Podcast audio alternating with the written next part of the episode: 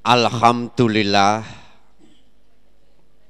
arsala rasulahu bil huda wa haq.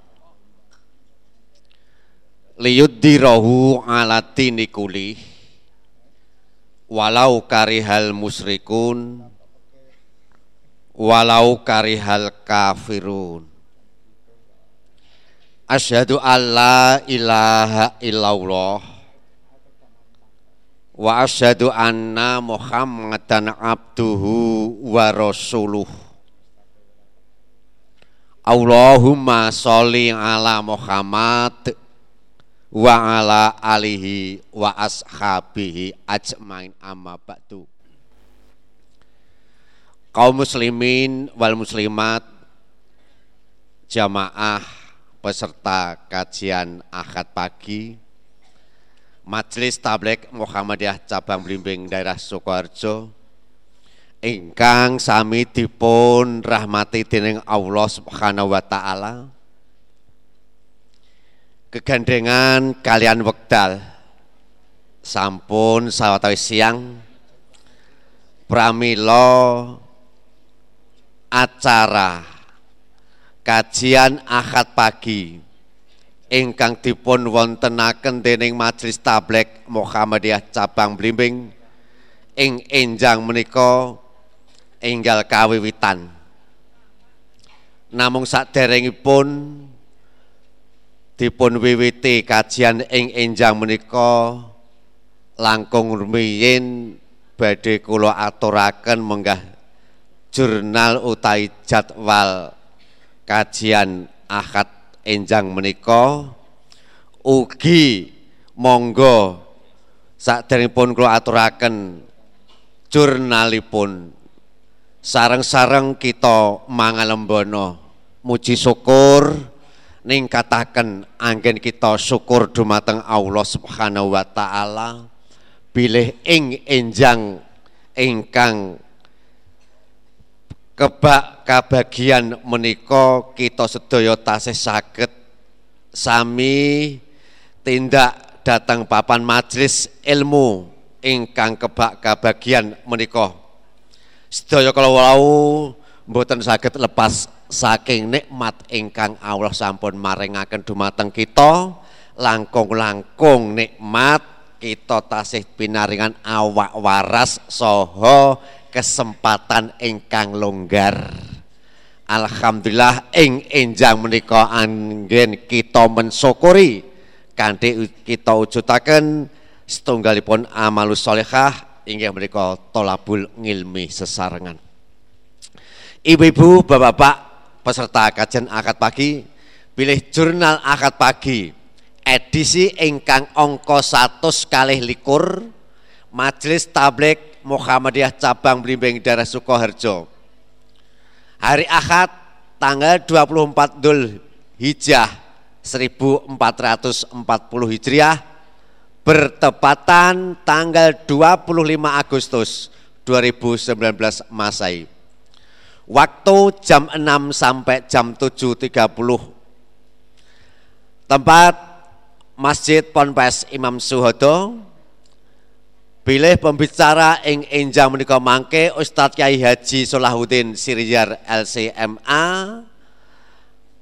pun Direktur Pondok Pesantren Muhammadiyah Imam Suhodo. Pilih enjang menika mangke mengambil judul utawi ing enjang menika mangke badhe kangge tanya jawab babakan agami. Enjang menika acaranipun ingkang angka setunggal pembukaan kalajengaken acara ingkang angka kalih kajian sesi yang pertama 40 menit. Acara ingkang angka tiga jeda informasi kalajengaken kajian sesi yang kedua sampai dengan jam 7.30 menit. Acara ingkang angka penutup Mekaten menggah acara ing enjang menika ingkang badhe kita lampahi sesarengan. Kegandengan kalian wekdal soho kangge gemeni wekdalipun. Monggo kajian akad pagi edisi ingkang angka 100 kali likur. Kita wiwiti lan kita awali kanthi sareng-sareng melafalkan kalimah basmalah sesarengan. Bismillahirrahmanirrahim Kalajengaken wekdal kula aturaken dumateng pun Ustadz Kiai Haji Solahuddin Siryar LCMI Sumangga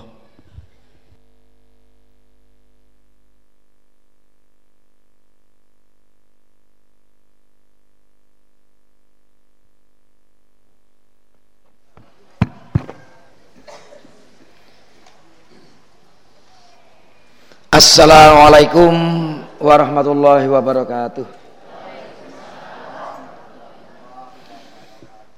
Alhamdulillah. Alhamdulillahi rabbil alamin. Wassalatu wassalamu ala asrafil anbiya'i wal mursalin. Muhammadin wa ala alihi wa ashabihi ajma'in. Asyhadu an la ilaha illallah wahdahu la syarikalah.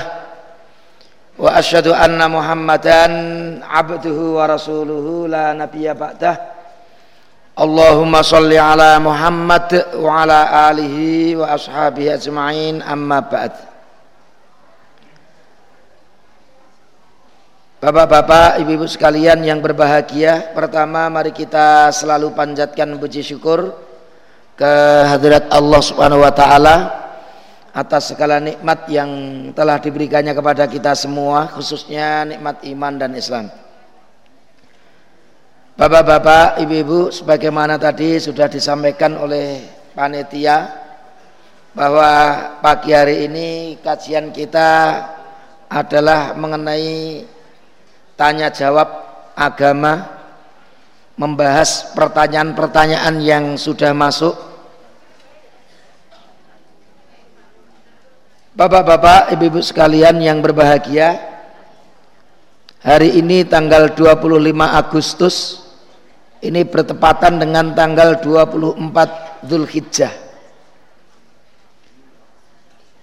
Dan hari Jumat nanti Tanggal 30 Agustus Itu tanggal 29 Zulhijjah. Jadi memang tinggal kurang lebih sepekan kita meninggalkan tahun 1440 Hijriah menuju 1441 Hijriah. Tapi ternyata tanggal 29 Zulhijjah nanti hari Jumat itu ketika matahari tenggelam ternyata hilal masih di bawah ufuk. Jadi belum wujud.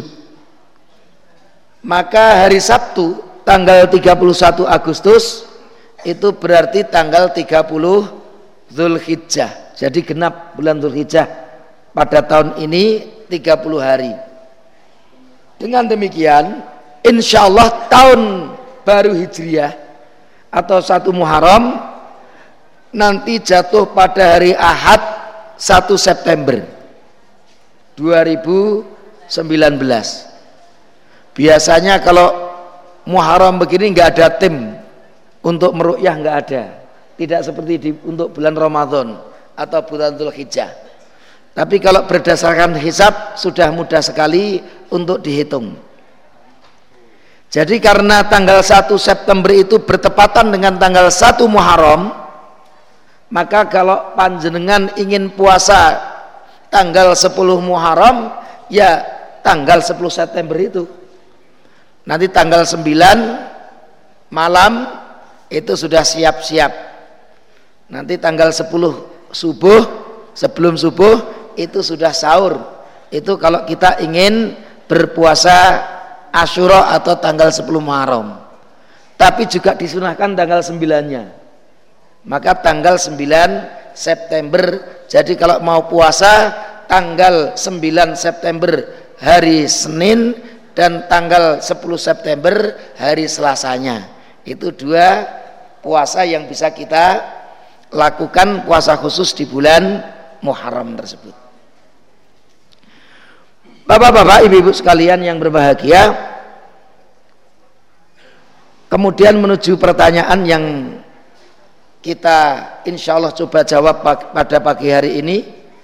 Yang pertama ini Assalamualaikum Pak Ustadz apakah ada sholat sesudah wudhu mohon dijelaskan dengan tuntunan Islam Bapak-bapak Ibu-ibu yang namanya ibadah memang butuh tuntunan. Adakah hadis yang memberikan kita tuntunan sholat setelah wudhu maka kita mendapatkan beberapa hadis.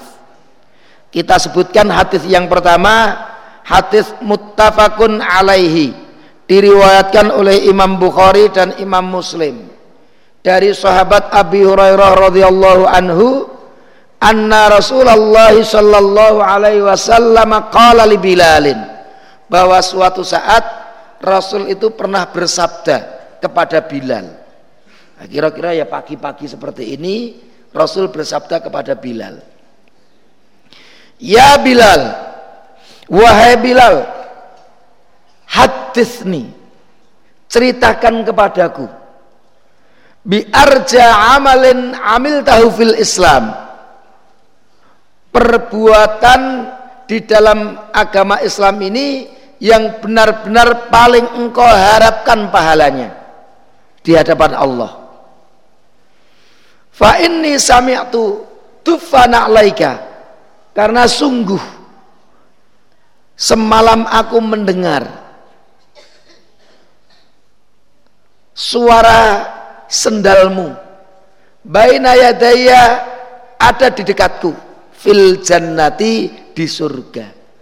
Jadi ini Bilal ini mendapat berita gembira dari Rasul bersama Rasul di surga. Rasul bertanya, "Mengapa kok semalam aku dengar sendal kamu di surga?" Apa yang menyebabkan kamu itu masuk surga? Kira-kira begitu. Bersamaku. Kala maka Bilal menjawab, Ma amil tu amalan arja indi min anilam atau hartohuron. Wahai Rasul, aku tidak melakukan perbuatan yang lebih aku harapkan pahalanya. Kecuali aku tidak pernah bersuci Fisa'atin min lailin au naharin. Baik bersuci itu di waktu malam maupun di waktu siang. Illa sallaitu bidzalika tahur. Kecuali setelah bersuci itu aku salat. Maku tibali an usolia yaitu salat yang diperintahkan. Jadi Bilal itu ternyata amal perbuatan yang paling diharapkan dari Allah itu pahalanya beliau setiap bersuci itu selalu sholat seperti yang telah diperintahkan. Lalu sholat yang diperintahkan itu bagaimana? Ada hadis yang lain. Rasul bersabda ini hadisnya diriwayatkan oleh Imam Muslim. Inilah perintah Rasul itu. Man tawadza'a nahwa hadza. Siapa yang berwudu seperti wuduku ini yaitu menyempurnakan wudunya. Summa ini kemudian dia setelah berwudu dengan sempurna itu sholat dua rakaat. La yuhaddithu fihi nafsahu. Dia tidak berbicara di dalam sholat itu untuk dirinya. Artinya sholat itu tidak untuk kepentingan dunianya tapi berharap mendapatkan pahala dari Allah. Ghufiralahu ma min dzambi maka dosanya akan di dosanya yang telah dia lakukan di waktu yang lalu diampuni oleh Allah Subhanahu wa taala. Ini perintah Rasul atau anjuran Rasul untuk sholat dua rakaat setelah berwudu dan niatnya benar-benar untuk mencari ridha Allah maka dosa-dosanya yang telah lewat akan diampuni. Maka Bapak-bapak, ibu-ibu, dari dua hadis ini kita bisa menyimpulkan. Yang pertama, sholat dua rakaat itu ada anjurannya dari Rasulullah Sallallahu Alaihi Wasallam. Sholat dua rakaat setelah kita bersuci, setelah kita wudhu. Dan para ulama menyebut hukumnya sunnah. Kalau kita kerjakan dapat pahala, tapi kalau kita tinggalkan memang kita tidak berdosa, tapi rugi meninggalkan pahala tersebut. Yang ketiga, Rasul tidak menyebut nama. Jadi dua rakaat setelah bersuci. Maka para ulama untuk memudahkan pemahaman kita menyebutnya dengan sholat wudhu yaitu sholat dua rakaat setelah kita wudhu itu hanya sekedar untuk memberi tanda membedakan dari sholat-sholat yang lainnya dan sebaiknya mualat bapak-bapak ibu-ibu mualat itu antara bersuci dengan sholat itu tidak ada kesibukan lain. Meskipun tidak ada tempat khususnya boleh di rumah maupun masjid. Jadi kalau kita berwudu mau sholat ke masjid boleh. Setelah wudhu kita sholat dua rakaat itu di rumah kita sholat wudhu itu. Atau berangkat dulu ke masjid nanti begitu sampai masjid nanti kita lakukan dua rakaat itu di masjid itu juga boleh. Yang penting usahakan antara bersuci kita dengan sholat itu tidak ada kesibukan yang me mengganggunya. Umpamanya habis wudhu bal-balan se oh bal-balan baru sholat? Lain namanya bukan mualat. Sebaiknya habis wudhu sholat dulu baru kalau ingin sepak bola atau olahraga olahraga kemudian bapak-bapak ibu-ibu Dua rakaat ini dilakukan setiap kita habis berwudu. Baik itu mau sholat maupun tidak. Jadi kalau jenengan sekarang ini ke belakang karena mau BAB, kemudian setelah BAB ingin wudhu kembali, itu ada kesunahan sholat dua rakaat itu. Jadi tidak terkait dengan sholat lima waktu tidak Begitu kita berwudu, maka di situ ada kesunahan untuk sholat dua rakaat. Semakin banyak panjenengan berwudu dan setelahnya sholat itu berarti semakin banyak pahala yang panjenengan dapatkan dari Allah Subhanahu wa taala. Itulah tentang sholat dua rakaat setelah berwudu. Pertanyaan yang kedua, Pak Ustadz mohon penjelasan orang yang sudah berhaji. Nah, ini berbicara tentang Pak Haji. Kemudian dia umroh berarti juga Pak Umroh Pak Haji dan umroh kemudian ingin umroh lagi. Setelah umroh umroh lagi. Apa dana atau biaya umroh tersebut tidak lebih baik untuk membiayai TPQ Taman Pendidikan Al-Quran. Atau Madim Madrasah Diniyah. Atau PKU Pusat Kesehatan Umum. Pendidikan yang lain. Sudah haji sudah umroh kok arep umrah umrah umrah umrah wae? Mbok ora sebaiknya nopo mboten sebaiknya itu untuk membiayai TPK, Madim, PKU dan lain-lain.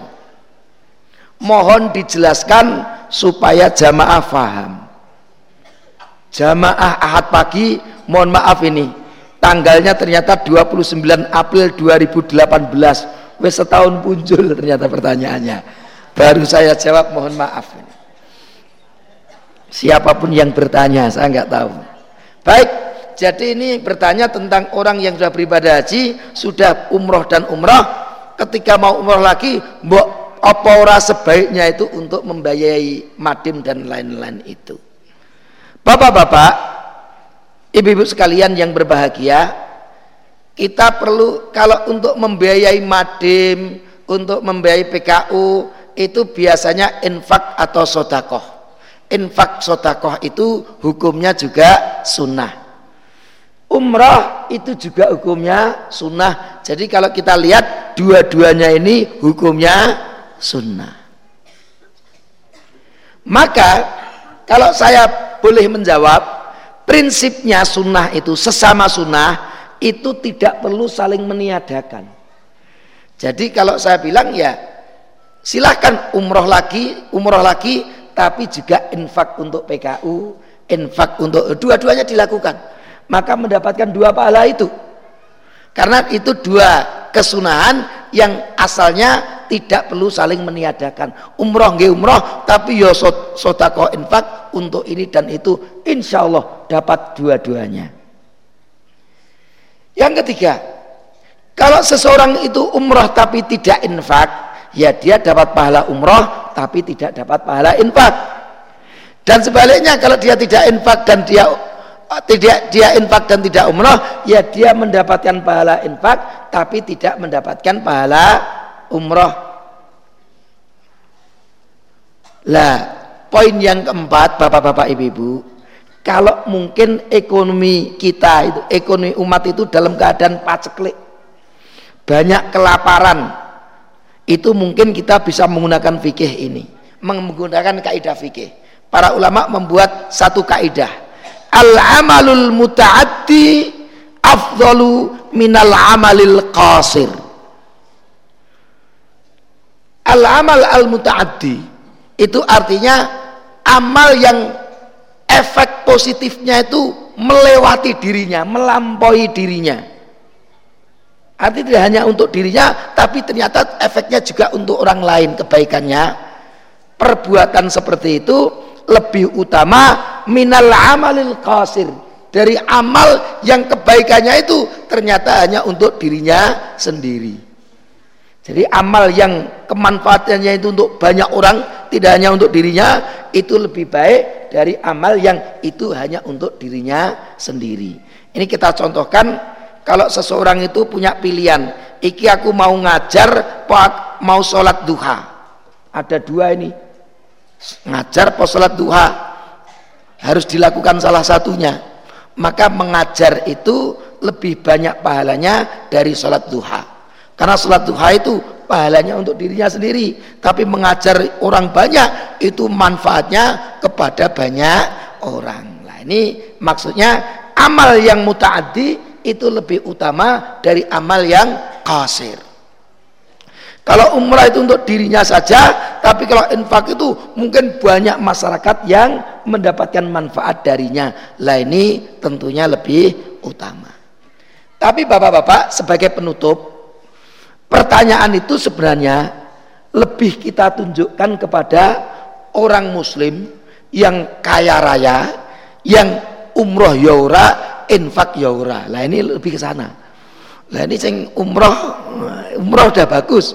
Ini yang lebih apa itu kita tunjukkan kepada mereka yang kaya raya tapi umroh yo ya moh infak yo ya moh mestinya dua-duanya itu dilakukan. Nah, itu yang terkait dengan pertanyaan Bapak tadi.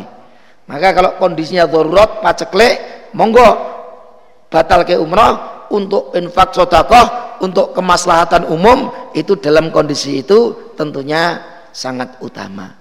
Tapi ketika masyarakat sudah cukup, dia pun juga sudah infak sodakoh dan dia mau umroh, maka dia sempurna dapat pahala semuanya. Infak sodakohnya ada, umrohnya juga ada. Pertanyaan yang ketiga,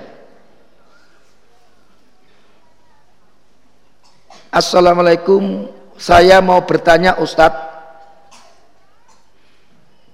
Ada tiga pertanyaannya.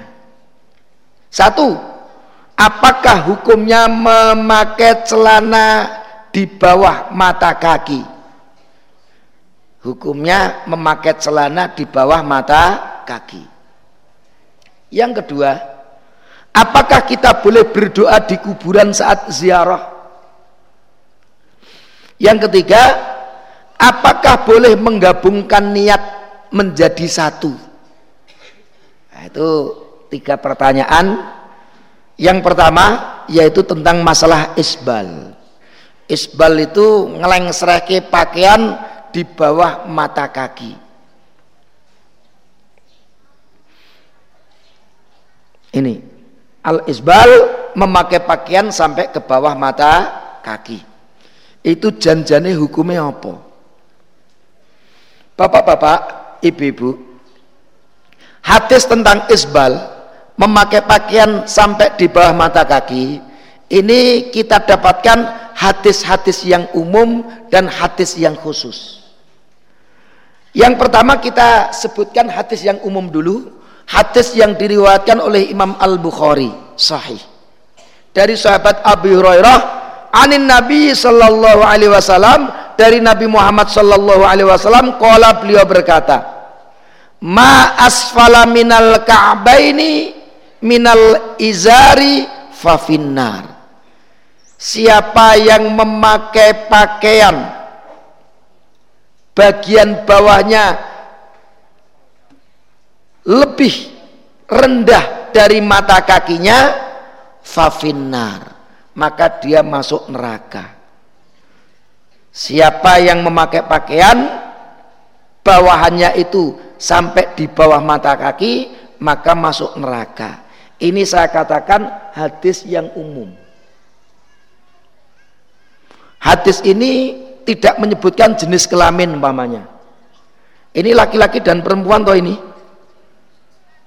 Kan siapa saja yang memakai pakaian ini umum. Tentunya nanti ada hadis yang khusus, bahkan wanita itu harus tertutup karena yang yang boleh terbuka itu hanya wajah dan telapak tangan, kaki pun wajib tertutup. Berarti nanti ada hadis yang khusus. Ini khusus bagi laki-laki. Nanti kekhususannya ada. Karena ini hadis umum.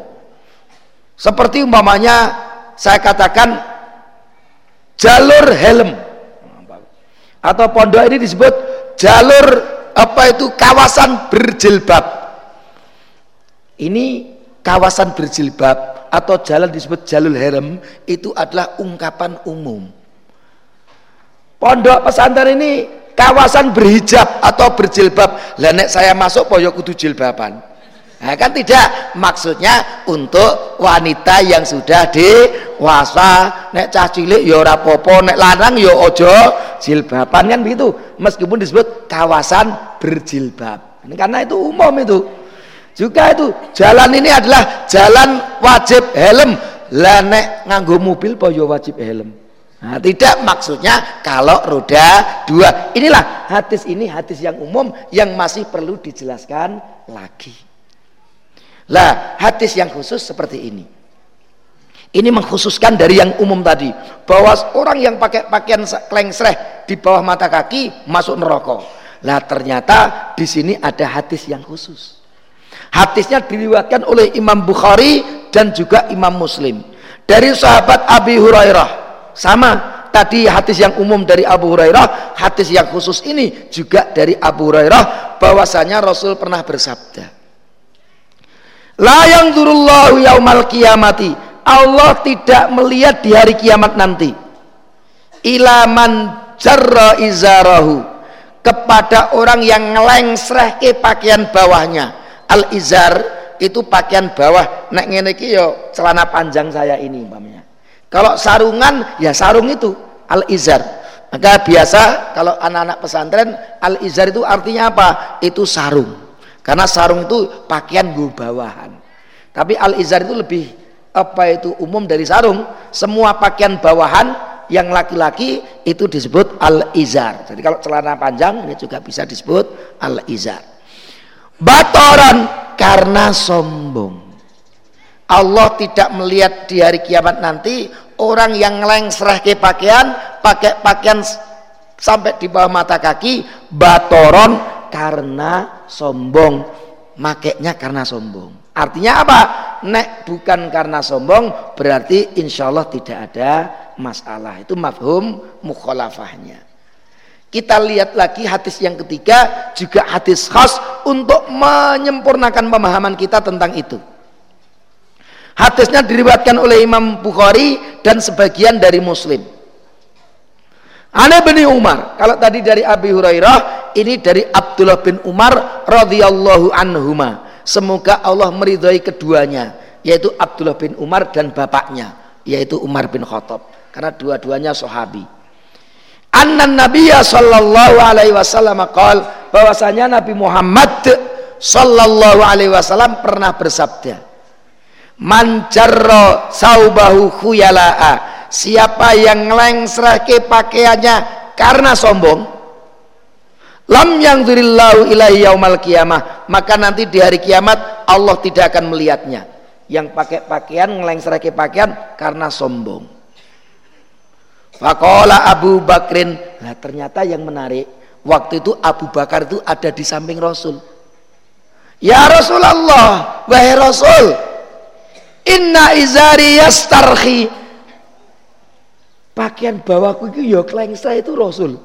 Piye illa an atahadau kecuali nek tak perhatikan nek tak cincin iki agi neng dure ini nek tak colke kuwi ya neng bawah mata kaki pripun wae Rasul? Abu Bakar yang di sampingnya Rasul ternyata pakaiannya yo klengsreh Faqala lahu Rasulullah. Maka Rasul bersabda kepada Abu Bakar Innaka wahai engkau Abu Bakar lasta bukanlah kamu mimman yaf'aluhu khuyala. Kamu tidak termasuk yang memakainya itu karena sombong. Jadi ternyata Abu Bakar yang di bawah mata kaki tidak diperintah Rasul untuk motong. Tapi apa sabda Rasul? Oh nek kamu pakai itu bukan karena sombong. Itu loh yang saya larang itu mereka itu loh yang pakai seperti itu karena sombong Abu Bakar yang juga klengsreh ternyata tidak diperintah untuk motong. Berarti permasalahannya bukan klengsreh atau tidak, di bawah mata kaki atau tidak, tapi memakainya itu sombong atau tidak. Bapak-bapak, ibu-ibu, karena memang ternyata asbabul wurud dari hadis itu di zaman Rasul itu manusia itu dikastakan dengan pakaiannya jadi berkasta. Pakaian itu menunjukkan kasta. Jadi kalau bangsawan-bangsawan yang katanya darahnya itu biru, nggak tahu di eh, tembak biru apa abang, tapi katanya berdarah biru. Itu kalau pakai pakaian kelengsreh. Maka kalau kelasnya kelas budak, kelas yang darahnya merah itu, itu nek pakai pakaian kelengsreh diguyu. Loh, pakaianmu kok nggak yaman kue? Lah kalau ada orang yang biasa pakai kelengsa itu diloki. Eh, kok yaman gue? Lah, kenapa? Karena mereka menyebut setrata. Jadi nek nek sing orang-orang apa itu uh, uh, budak-budak itu pakaiannya nyancin apa itu dur-dur guys. Tapi kalau kelasnya itu kelas darah biru itu mereka kelengser semuanya. Rasul sangat marah bahwa manusia itu di kastakan dengan pakaiannya. Nek tondone sing wong biasa itu sing dhuwur-dhuwur nek sing kleng saya itu tondone wong darah biru dan lain sebagainya ini Rasul marah berat. Nah itu sebenarnya itulah yang mengapa Rasul itu sangat marah kepada orang yang ngelengserake pakaian karena kesombongannya merasa dia darah biru merasa dia ningrat dan lain sebagainya. Maka hadis yang khas itu mengtasis yang am alasan sombong itu pengkhusus dari larangan Rasul memakai pakaian di bawah mata kaki. Mengapa saya katakan demikian Bapak-bapak Ibu-ibu? Ketika kita berbicara tentang sholat, tidak ada satupun ulama, madhab apa pun yang mengatakan bahwa kelihatan mata kaki itu sebagai syarat sahnya sholat, enggak ada. Kalau panjenengan nanti membaca kitab fikih, syarat sahnya sholat itu satu suci dari hadas besar dan hadas kecil. Nek hadas kecil ya wudhu, nek hadas besar ya mandi. Juga suci dari khobat. Kalau ada najis bersihkan, itu satu. Syarat yang kedua menutup aurat. Syarat yang ketiga menghadap ke arah kiblat. Nek wes telu itu dilakukan, maka sholat kita sah. Tidak ada yang mensyaratkan kudu ketok mata kakinya, nggak ada. Silahkan dicari dalam kitab fikih. Tidak ada satupun ulama yang berkata demikian. Artinya, insya Allah masalah di atas dan di bawah itu bukan permasalahannya. Tapi masalahnya sombong atau tidak. Kalau panjenengan di atas mata kaki, tapi ya sombong, tapi neng rokok sing mlebu surga guraku tok. Nauzubillah min. Hati-hati. Ini juga bisa menjadikan kesombongan. Maka mari baik di atas mata kaki, di bawah mata kaki, yang penting kita berpakaian jangan bersombong. Pakaianmu celana piro regane? Saya ketemu, celana kok guru saya ketemu, kilo mang yuto. Lah itu sombong itu. Itu berpakaian tapi sombong itulah yang tidak disukai oleh Rasulullah Shallallahu alaihi wasallam. Yang kedua, bolehkah berdoa di kuburan ketika ziarah kubur? ada orang yang takut kelihatannya. Iki janjane oleh pora. Baik. Ada satu hadis yang diriwayatkan oleh Abu Dawud. Waktunya hampir habis. Masih? Lima menit lagi bapak-bapak ibu-ibu ada satu hadis yang diriwayatkan oleh Abu Dawud. Dari Utsman radhiyallahu anhu kala beliau berkata karena Rasulullah sallallahu alaihi wasallam. Dulu Rasulullah itu idza faragha min dafnil mayyit Rasulullah itu kalau selesai menguburkan mayit Rasul itu kalau selesai penguburan mayit waqafa alaihi Rasul berdiri di hadapan mayit itu di hadapan kuburan itu. Waqala kemudian Rasul bersabda istaghfiru li ahikum mohonkan ampun untuk saudara kamu yang ada di kuburan ini. Wasalulahu tathbit dan mintakan kepada Allah dimantapkan dia. Fa'innahu al-ana yus'al. Karena saat ini dia sedang ditanya oleh malaikat penanya yang ada di kubur. Jadi Rasul itu kalau sudah menguburki rampung berdiri dan mengajak para sahabatnya untuk mendoakan yang ada di kuburan itu tentunya kuburan muslim bukan yang kafir.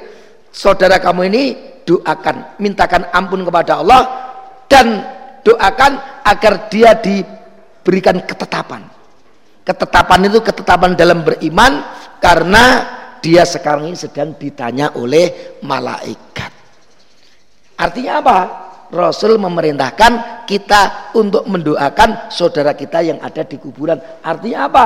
Orang yang berziarah kubur justru memang dianjurkan, diperintahkan Rasul untuk mendoakan saudaranya yang ada di kuburan tersebut. Bahkan tidak hanya sekedar doa, bapak-bapak, ibu-ibu. Kalau kita belum mensolatkan, kita pun juga bisa mensolatkan mayat itu di kuburan itu. Jadi kalau ibu-ibu belum sempat sholat, umpamanya mayatnya ada di Wonor di Jakarta, kita dari Wonorjo menuju Jakarta wis telat. Sampai Jakarta ternyata mayatnya sudah di kuburan. Bisa kita mendatangi kuburan kemudian kita sholat. Apa itu di hadapan mayit itu tadi? Seperti kita sholat mayit. Loh dasarnya mana? Dasarnya ini hadis yang sahih diriwayatkan oleh Imam Muslim. Anis Sya'bi dari As-Sya'bi. Anna Rasulullah bahwasanya Rasulullah sholat ala qabrin ba'dama tufina. Rasul sholat atas di atas kuburan setelah mayitnya itu dikuburkan. Fakabbarol alaihi arba'an. Rasul takbir empat kali. Takbir empat kali itu artinya sholat apa itu?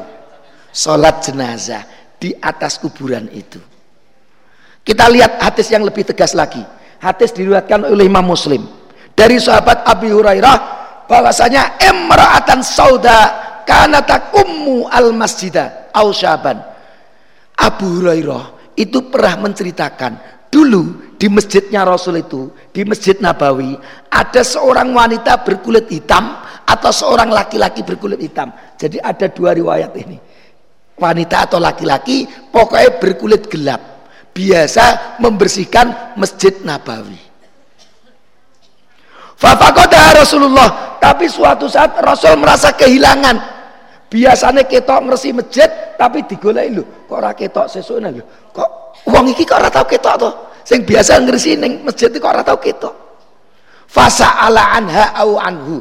Maka Rasul bertanya kepada yang lain tentang orang itu yang biasa ngurusi atau membersihkan masjid. Tanya, mana tuh itu orang yang biasa membersihkan masjid kok beberapa hari itu rat, ratau ketok. Fakolu. Maka ternyata para sahabat ber, menjawab mata. Wahai Rasul, dia sudah meninggal. Ternyata sudah meninggal Rasul tidak tahu, tidak dikabari. Kala maka Rasul bersabda, "Afala kuntum adan tumuni?" Ini Rasul sebenarnya agak marah ini. Mengapa kamu tidak beritahu aku kalau dia meninggal? Seakan-akan iki wong ngerti masjid itu karena biasa rasa dikudu. Engko nek presiden pak menteri meninggal kok tak ceritai Rasul. Ini gur yang biasa ngerti masjid itu mosok dadak diceritakan Rasul. Rasul marah itu. Kok nggak diberitahu? Qala faka annahum sagharu amroha au amrohu. Saat Rasul apa itu mengatakan itu seakan-akan sahabat tadi mengecilkan perkaranya orang yang bersih masjid bahwa membersihkan masjid itu pahalanya luar biasa besarnya itu jangan dikecilkan Fakola maka Rasul bersabda, dulu nih ala kubri. Kalau begitu tunjukkan mana kuburannya.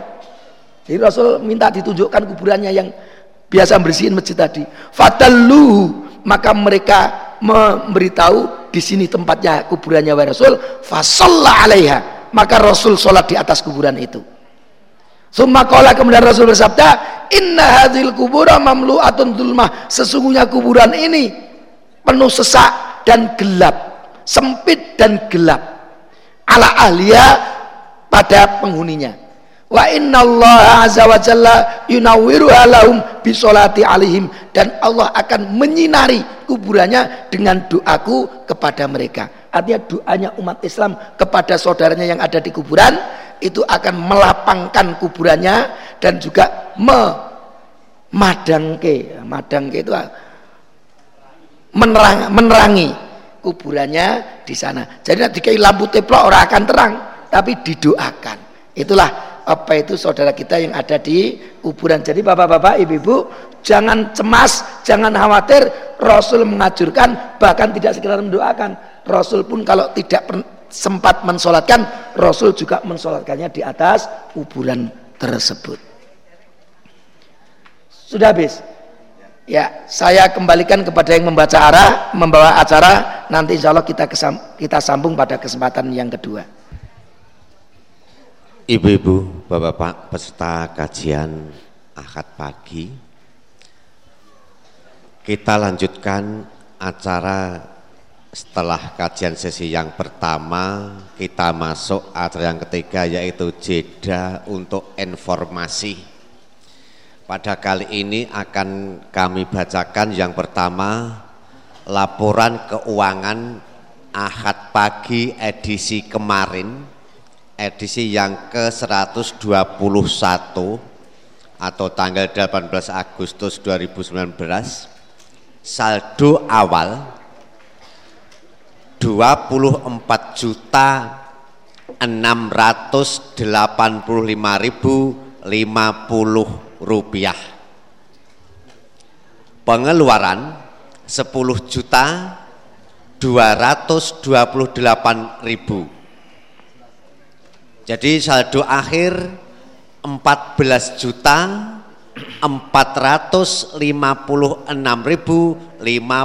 rupiah Lantas infak edisi kemarin 5 juta 966.500 rupiah. Selanjutnya, untuk itu ajaan dari panitia kajian akad pagi mohon kepada jamaah tetap memutar kotak infak untuk diisi dengan infaknya. Mohon juga kepada para jamaah setiap habis kajian akad pagi ini jangan lupa membawa sampahnya masing-masing untuk dimasukkan tempat sampah yang sudah disediakan panitia. Yang ketiga, insya Allah setiap akad keempat Kajian akad pagi akan digunakan untuk tanya jawab agama seperti pagi hari ini. Jadi kepada jamaah bisa menuliskan pertanyaannya dan bisa dikumpulkan lewat kotak infak yang diputar tersebut dan insya Allah pertanyaan akan dijawab oleh Ustadz Solahuddin Sirier LCMA. Kemudian pekan ini yang mendapat giliran dana organisasi dari infak akad pagi adalah Aum Gorem yaitu MI Muhammadiyah Jati Sobo dan SMP Muhammadiyah Imam Suhodo.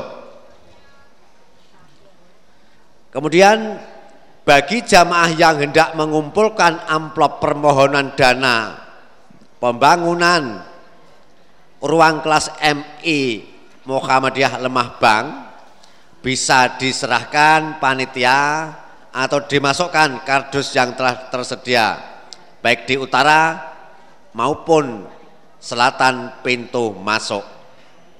Bagi yang belum sempat mengambil amplop surat permohonan bisa menghubungi panitia dan atas nama panitia pembangunan MI Muhammadiyah Lemah Bang menghaturkan matur nuwun jayakumullah khairon kasiron. Semoga Allah membalasnya dengan yang lebih baik. Amin Allahumma amin. Kemudian informasi pengajian akad pagi yang akan datang yaitu akad tanggal 1 September 2019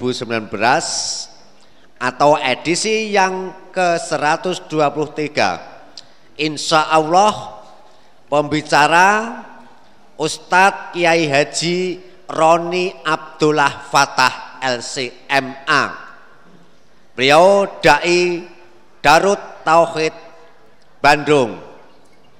Sekali lagi kepada ibu bapak, pilih ingkang bade caos kajian benjing dinten akad nggih menika Ustadz Kiai Haji Roni Abdul Fatah saking Dai Darut Tauhid Bandung. Demikian laporan atau pemberitahuan dari panitia kajian akad pagi untuk mengisi jeda informasi pada edisi Injang Meniko. Acara selanjutnya kami serahkan kepada Ustadz Siriyar nanti sampai jam 7.30 menit. Monggo, waktu kalau aturakan. Baik, Bapak-bapak, ibu-ibu kita lanjutkan. Tadi ada yang ketiga. Jadi pertanyaan pertama tentang isbal, pertanyaan kedua tadi tentang berdoa di ketika ziarah sudah kita jawab. Kemudian pertanyaan yang ketiga itu tentang menggabungkan niat. Jadi gabungke niat. Mungkin poso sawal dengan mengkodoh mungkin sholat duha dengan sholat tahiyatul masjid namanya begitu. Menggabungkan niat dua perbuatan itu dengan satu perbuatan tapi niatnya dua. Digabungke dirangkep two in one atau three in one. Mau sampai five in one lima dalam satu. Gabung ke sisan. Menggabungkan niat itu bagaimana? Bapak-bapak, ibu-ibu, secara khusus saja saya persingkat prinsipnya ibadah mahdho itu kalau sudah ada perintahnya maka al-ittiba prinsipnya ikut contoh ikut tuntunan. Jadi seperti sholat itu akimus sholat dirikanlah sholat maka kita sholat karena itu diperintahkan. Lah bagaimana caranya? Kita caranya itu mengikuti apa yang dicontohkan oleh Rasulullah Shallallahu Alaihi Wasallam. Lalu dalam ibadah itu prinsipnya bagaimana? Prinsipnya niat itu tidak digabung. Prinsipnya dalam beribadah itu niat sesuai dengan apa yang akan dia lakukan. Nek mau sholat duhur, ya niatnya sholat duhur, bukan sholat asar. Tahu kalau niat kalau mau sholat maghrib jangan sholat isya ya sholatnya sholat maghrib niat sesuai dengan yang dia lakukan itu sholatnya sholat apa prinsip di dalam ibadah itu tidak menggabungkan niat kecuali kalau memang Rasul mencontohkan menggabungkan niat lah kalau itu Rasul mencontohkan berarti itu khusus Jangan kemudian di global ke berarti semua tidak. Yang Rasul contohkan menggabungkan itu bisa digabungkan. Kenapa? Karena mengikuti contoh Rasul. Lah ada enggak? Ada. Contoh. Bapak-bapak, ibu-ibu, ibadah haji itu ada tiga macam caranya. Yang pertama cara tamattu, itu yang biasa dilakukan jamaah haji Indonesia.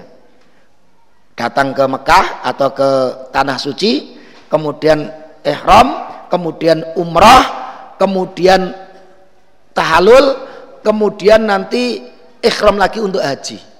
Jadi umrah se, kemudian haji. Jenis yang kedua itu namanya haji ifrat. Jadi ifrat itu haji ifrat itu haji dulu. Jadi kalau sampai di Masjidil Haram itu sudah pakai pakaian ikhram terus karena dia belum haji. Nanti sampai musim haji dia berhaji, setelah haji rampung baru berumrah. Jadi kaji se kemudian umrah. Itu namanya ifrat. Cara yang ketiga dengan cara kiron. Bukan kirun, kiron. Kiron itu melakukan satu perbuatan tapi niatnya untuk dua yaitu haji dan umroh. Saya berniat untuk haji dan umroh melakukan satu perbuatan untuk haji dan umrohnya itu jadi satu. Nah itu namanya menggabungkan niat yaitu haji dan umrohnya dengan niat apa itu haji kiron itu tadi Nah, contohnya itu. Lah kalau Rasul mencontohkan menggabung, itu ada contohnya dari Rasulullah Shallallahu Alaihi Wasallam. Tapi kalau tidak ya tidak perlu digabung. Mengapa Bapak-bapak Ibu-ibu? Saya melihat ada hikmah di balik larangan untuk menggabungkan niat. Supaya kita tidak malas beribadah. Lah nanti kalau bisa gabung niat, nanti mungkin orang itu sholat dua rakaat Dua rakaat itu satu tak niat sholat duha, dua tak sholat niat sholat wudhu, tiga untuk tahiyatul masjid, empat untuk qobliyah. Lah ini four in one. Dua rakaat ning niatnya papat untuk pahala semuanya. Tidak. Kalau mau sholat duha silahkan dua rakaat duha ada pahalanya mau nambah lagi wudhu tambah dua rakaat lagi. Mau tahiyatul masjid tambah dua rakaat lagi. Itu cara kita menumpuk pahala. Jadi bukan tetap satu yang dilakukan tapi jalur eh oke okay tidak. Maka hikmahnya seperti itu. Maka hendaknya kita tidak menggabungkan niat dalam ibadah kita khususnya kecuali kalau ada contohnya dari Rasulullah Shallallahu Alaihi Wasallam. Pertanyaan yang keempat.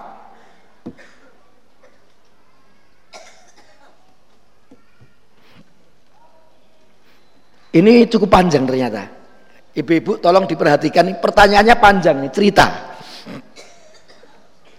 Bismillahirrahmanirrahim. Bismillahirrahmanirrahim. Assalamualaikum. Pertanyaan. Mohon maaf. Saya seorang bapak. Ini mestinya juga jamaah di sini saya seorang bapak dengan dua orang anak yang mulai dewasa. SMA kelas 3. Istri PNS golongan C. Ini mulai golek-golek isopo ya kira-kira. Enggak usah dirasa digoleki. Sing dilihat ceritanya saja. Pekerjaan saya berwira swasta toko kecil-kecilan namun hasil kerja saya sangat minim hanya untuk uang saku anak-anak saya. Saya sering berdoa, berharap menjadi bapak yang membanggakan bagi anak, istri dan Allah. Saya jaga betul infak dan sodakoh saya. Pokoknya terus infak, terus sodakoh. Namun bagian istri sering terabaikan, sering tidak ngei nafkah istri. Karena memang nggak ada entek gue infak sodakoh tadi Bahkan istri sering nombok untuk usaha saya. Bahkan ditomboi sama istrinya untuk usaha. Bagaimana posisi saya suami menurut syariat Islam? Apakah saya ini berdosa atau tidak? NB, NB itu nambah ya? Nambah bicara katanya. Waktu saya jadi pegawai di perpustakaan swasta, amplop gaji saya 100% untuk istri. Loh, saya kira orang. Nek zaman jadi pegawai perpustakaan 100% untuk istri, berarti yang sekarang tidak. Baik, itu tadi ceritanya yang cukup panjang. Maka saya bapak-bapak, ibu-ibu, ini berarti seorang bapak, seorang suami berbicara tentang apakah saya sebagai suami ini sudah sesuai dengan syariat Islam atau belum. Ter terkait khususnya kewajiban memberi nafkah. Jawaban saya beberapa poin. Poin yang pertama, kita perlu ingat salah satu kewajiban seorang kepala keluarga di sini bapak atau suami adalah memberi nafkah sebagai bapak kepada anak-anaknya sebagai suami kepada istri-istrinya. Kalau lebih dari satu, ya semuanya. Kalau satu ya istrinya. Ada satu hadis yang diriwayatkan dari Abu Dawud. Dari Muawiyah. Kala berkata, Kultu, aku bertanya, Ya Rasulullah, wahai Rasul, Ma hakku zaujati ahadina alaihi. Apa? Hak istri-istri kita terhadap kita. Artinya hak istri kita terhadap kita para suami itu artinya apa kewajiban suami terhadap istrinya. Karena kewajiban suami kepada istri berupa nafkah ini adalah hak istri. Jadi nafkah itu haknya istri dan itu kewajibannya suami. Maka Rasul menjawab, "Antut aimaha idza ta'imta." Kalau kamu makan, kamu juga harus memberi makan dia. Wataksuha tasaita kalau kamu berpakaian kamu juga harus memberi dia pakaian. Wala tadribil dan kamu tidak boleh memukul wajah wala tuqabbih dan janganlah kamu menjelek-jelekkan wala tahjur jangan kamu jauhkan dia illa fil baiti kecuali di dalam rumah. Ini ketika mungkin apa itu di, dijauhkan dari suaminya dulu. Baik, ini saya jawab yang terkait dengan nafkah dulu. Kalau kamu makan, dia beri, kamu beri makan. Ini artinya apa? Khususnya yang terkait dengan kebutuhan pokoknya itu seorang suami wajib menafkahi istrinya terkait dengan kebutuhan pokoknya. Ini disebutkan makan atau berpakaian. Kemudian di dalam surah Al-Baqarah ayat 236. Ini untuk melengkapi keterangan. A'udzubillahi minasyaitonirrajim. Allah berfirman, "Alal musi'i qadaruhu." Orang yang mampu menurut kemampuannya, wa alal muqtiri qadaruhu dan orang yang miskin menurut kemampuannya juga. Mata ambil ma'ruf pemberian nafkah itu menurut yang ma'ruf yang patut. Jadi bapak-bapak, ibu-ibu memberi nafkah itu termasuk kewajiban tapi agama kita tidak memberikan nominal. Jadi Islam tidak memberikan nominal per bulan 10 yuto, porong puluh yuto, posak yuto, pos setengah yuto, tidak ada. Jadi wajib tapi di sini bil ma'ruf, sepatutnya, sepantasnya. Sepantasnya itu sesuai dengan kemampuan seorang suami. Lah nek suami senengane nyate gule nyate gule, istrinya tukake kerupuk, wes kowe nganggo mangan kerupuk karo gerah. Lah ini artinya suami itu tidak patut, tidak ma'ruf memberikan nafkahnya. Kecuali kalau dia memang mangane guryo kerupuk karo tempe soalnya gor kui istrinya dikasih sama dengan yang dia bisa makan itu bil ma'ruf maka sesuai dengan kemampuannya tidak ada ukurannya tapi sepatutnya.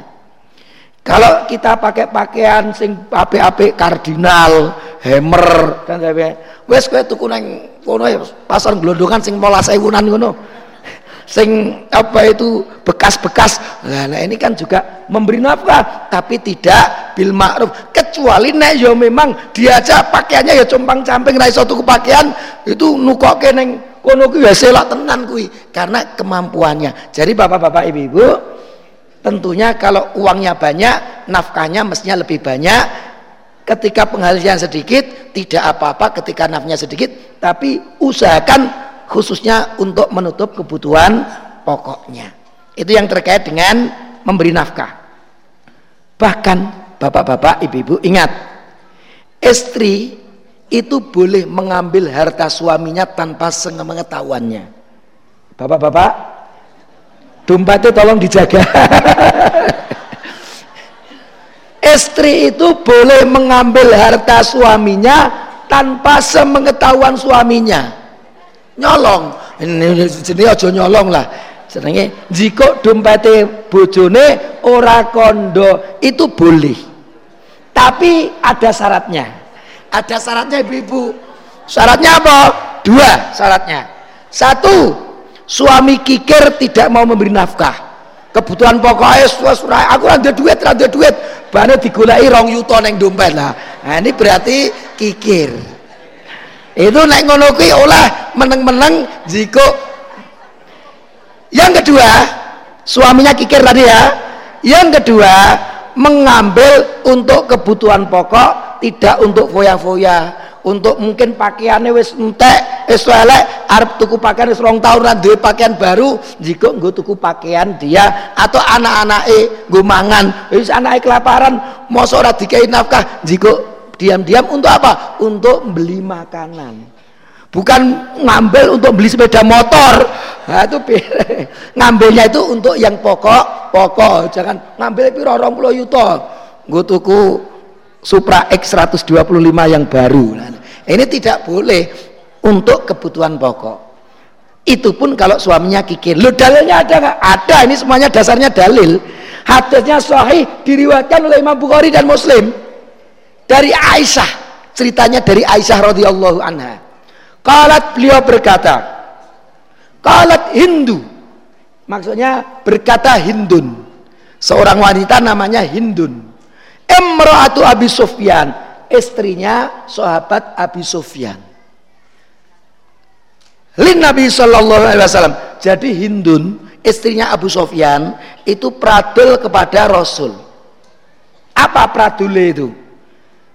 Inna Abu Sufyan, sesungguhnya suamiku Abu Sufyan itu rajulun syahihun, seorang laki-laki atau suami yang sangat kikir, kikir banget.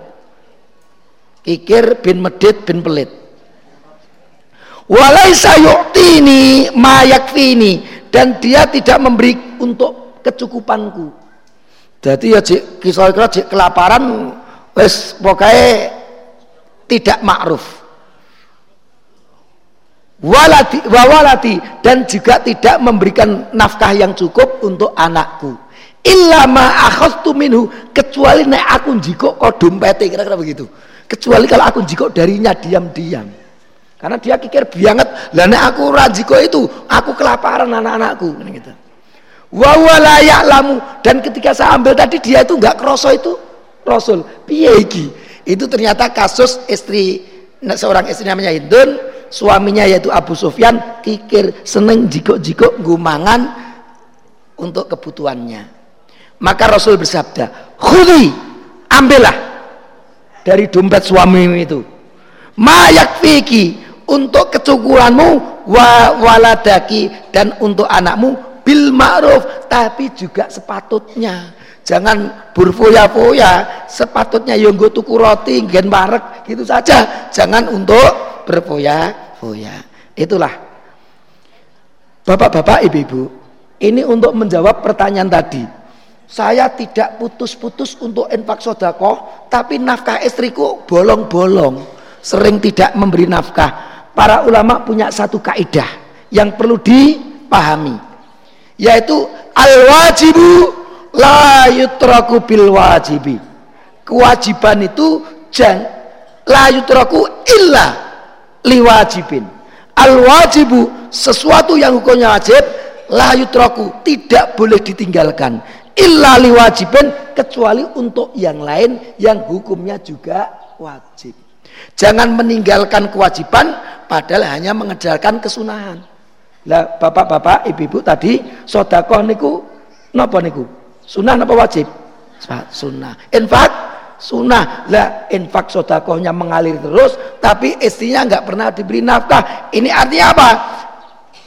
Nafkah yang hukumnya wajib infak sedekah hukumnya sunnah jadi kita jangan meninggalkan nafkah hanya untuk berinfak dan bersedekah. Nek memang raiso apa itu memberi nafkah kepada istrinya, ya duit yang seadanya tadi untuk memberikan nafkah kepada istrinya dulu. Baru nanti kalau ada kelebihan sedikit untuk infak dan sedekah. Jangan sampai kita sholat malam khusyuk tapi orang sholat subuh. Lah kenapa? Ya aku mambengi sholat lain loh sehingga ratau subuhan. Karena bar sholat lain turu tuh awan. Nah jangan begitu. Sholat subuh itu lebih didahulukan. Jangan sampai meninggalkan sholat subuh karena apa? Untuk sholat lail. Nah sholat subuh nomor satu wis iso tambah sholat lail. Itulah mestinya begitu bapak-bapak. Tadi pertanyaannya sebagai begitu.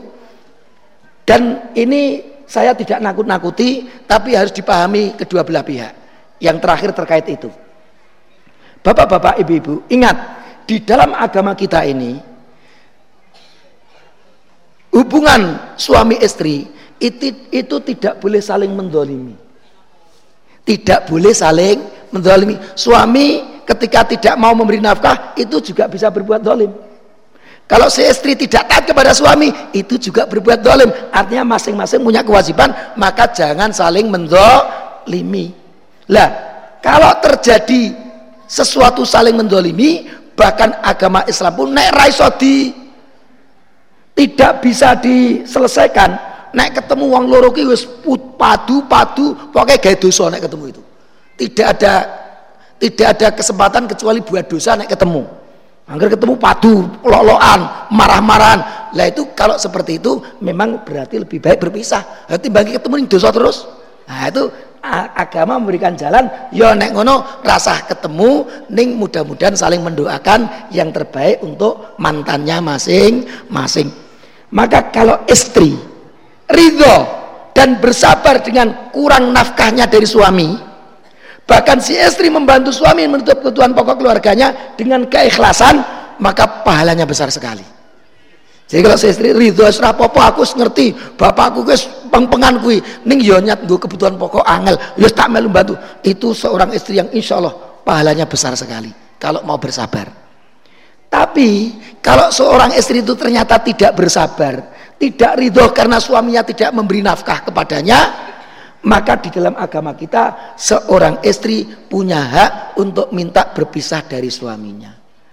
Itu hanya seorang istri. Karena itu zalim juga kalau apalagi bisa memberi nafkah tapi tidak mau memberi nafkah. Maka supaya tidak terjadi perceraian atau perpisahan, maka masing-masing harus melaksanakan kewajiban dengan sebaik-baiknya. Kecuali tadi ketika pihak lain tidak mampu melaksanakan kewajibannya tapi yang punya hak ridho insya Allah itu tidak menjadikan suaminya berbuat zalim.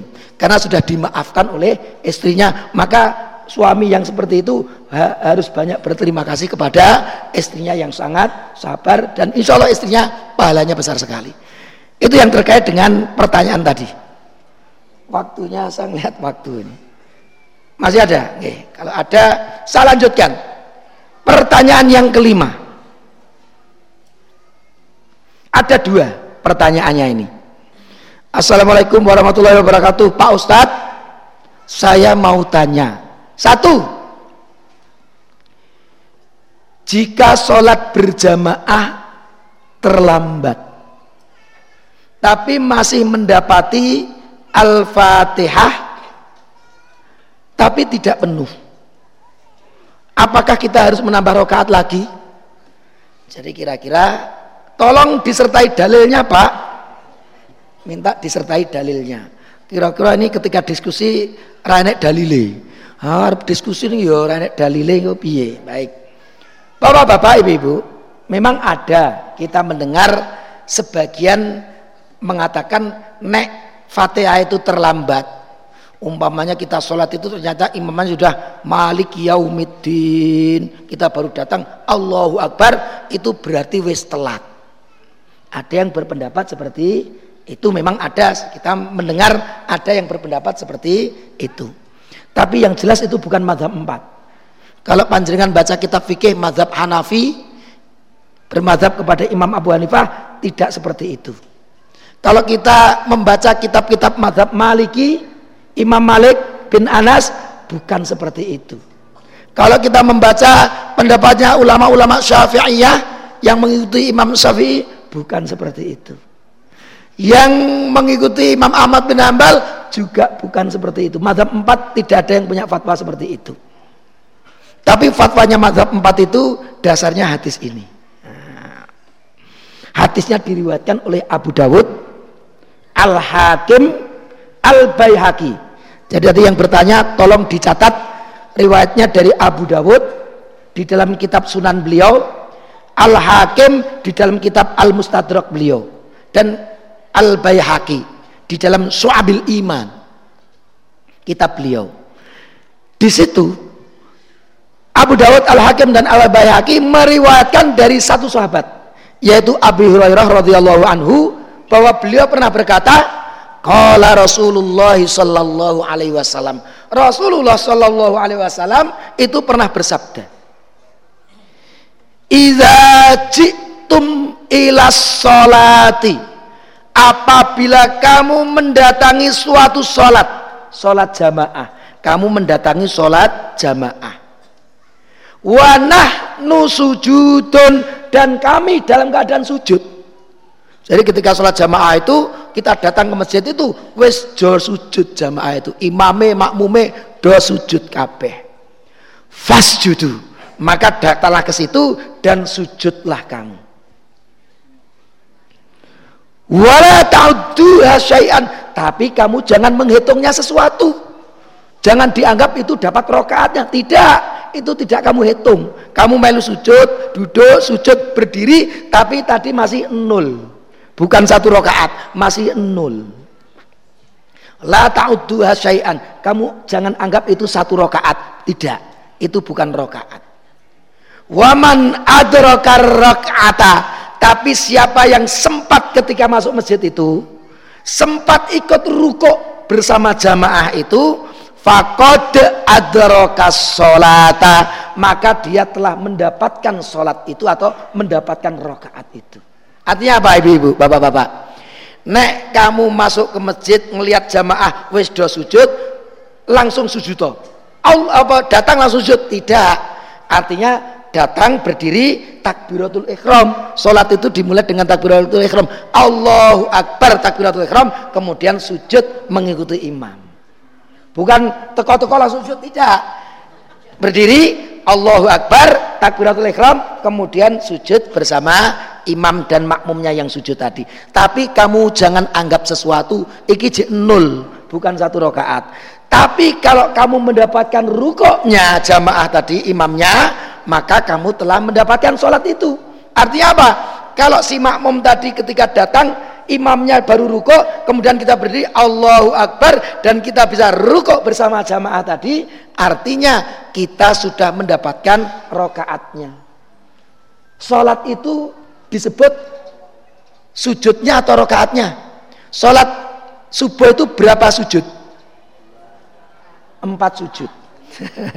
Karena satu rokaat ada dua sujud. Salat salat subuh itu berapa sujud?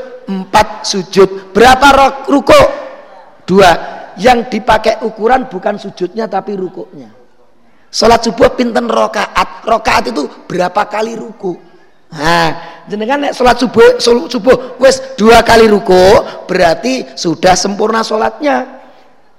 Bukan tiga ruko loh sholat subuh itu. Tiga rokaat rokaat rokaat itu kan ruku.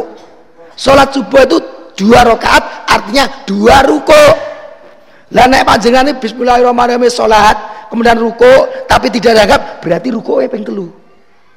Padahal salat subuh itu dua kali ruko, hitungannya bukan sujudnya, ruko eh. Maka kalau kita masih dapatkan ruko, kita masih mendapatkan sholatnya itu tadi.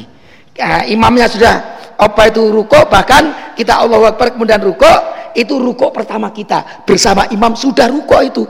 Kemudian iktidal bareng ketika nanti ruko lagi sudah dua ruko. Sholat subuh itu dua ruko bukan tiga ruko. Itulah penjelasannya. Jadi ukurannya terlambat bukan terlambat fatihah apalagi kalau imam sudah membaca surah ul binas oh berarti tidak itu belum telat telatnya itu kalau kita Allahu Akbar kok imamnya sami Allahu liman hamidah kita belum sempat ruko lah kok imamnya wes tidak berarti kita mulai terlambat nanti ya bapak-bapak ibu-ibu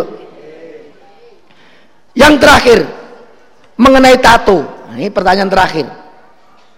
Ya mudah-mudahan pasti nanti. Bagaimana hukumnya mentato tubuh? Ada ibu-ibu yang bertato di sini? Tato pabrik ada. Tatonya tapi dari pabrik sana. Dan jika sudah telanjur, apakah harus dihapus?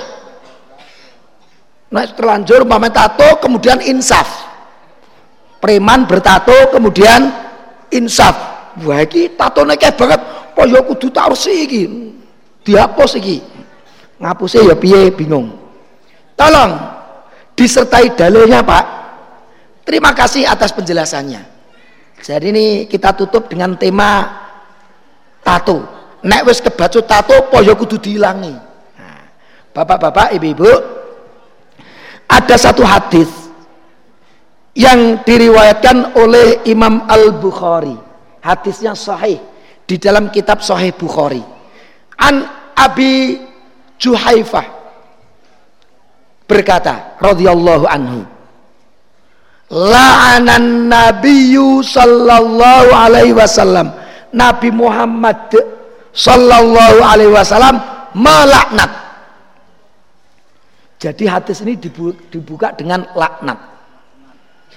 Panjenengan nanti kalau membaca kitab Al-Kabair kitab kumpulan dosa-dosa besar lu dosa besar itu apa toh? Ya dosa dosanya gede.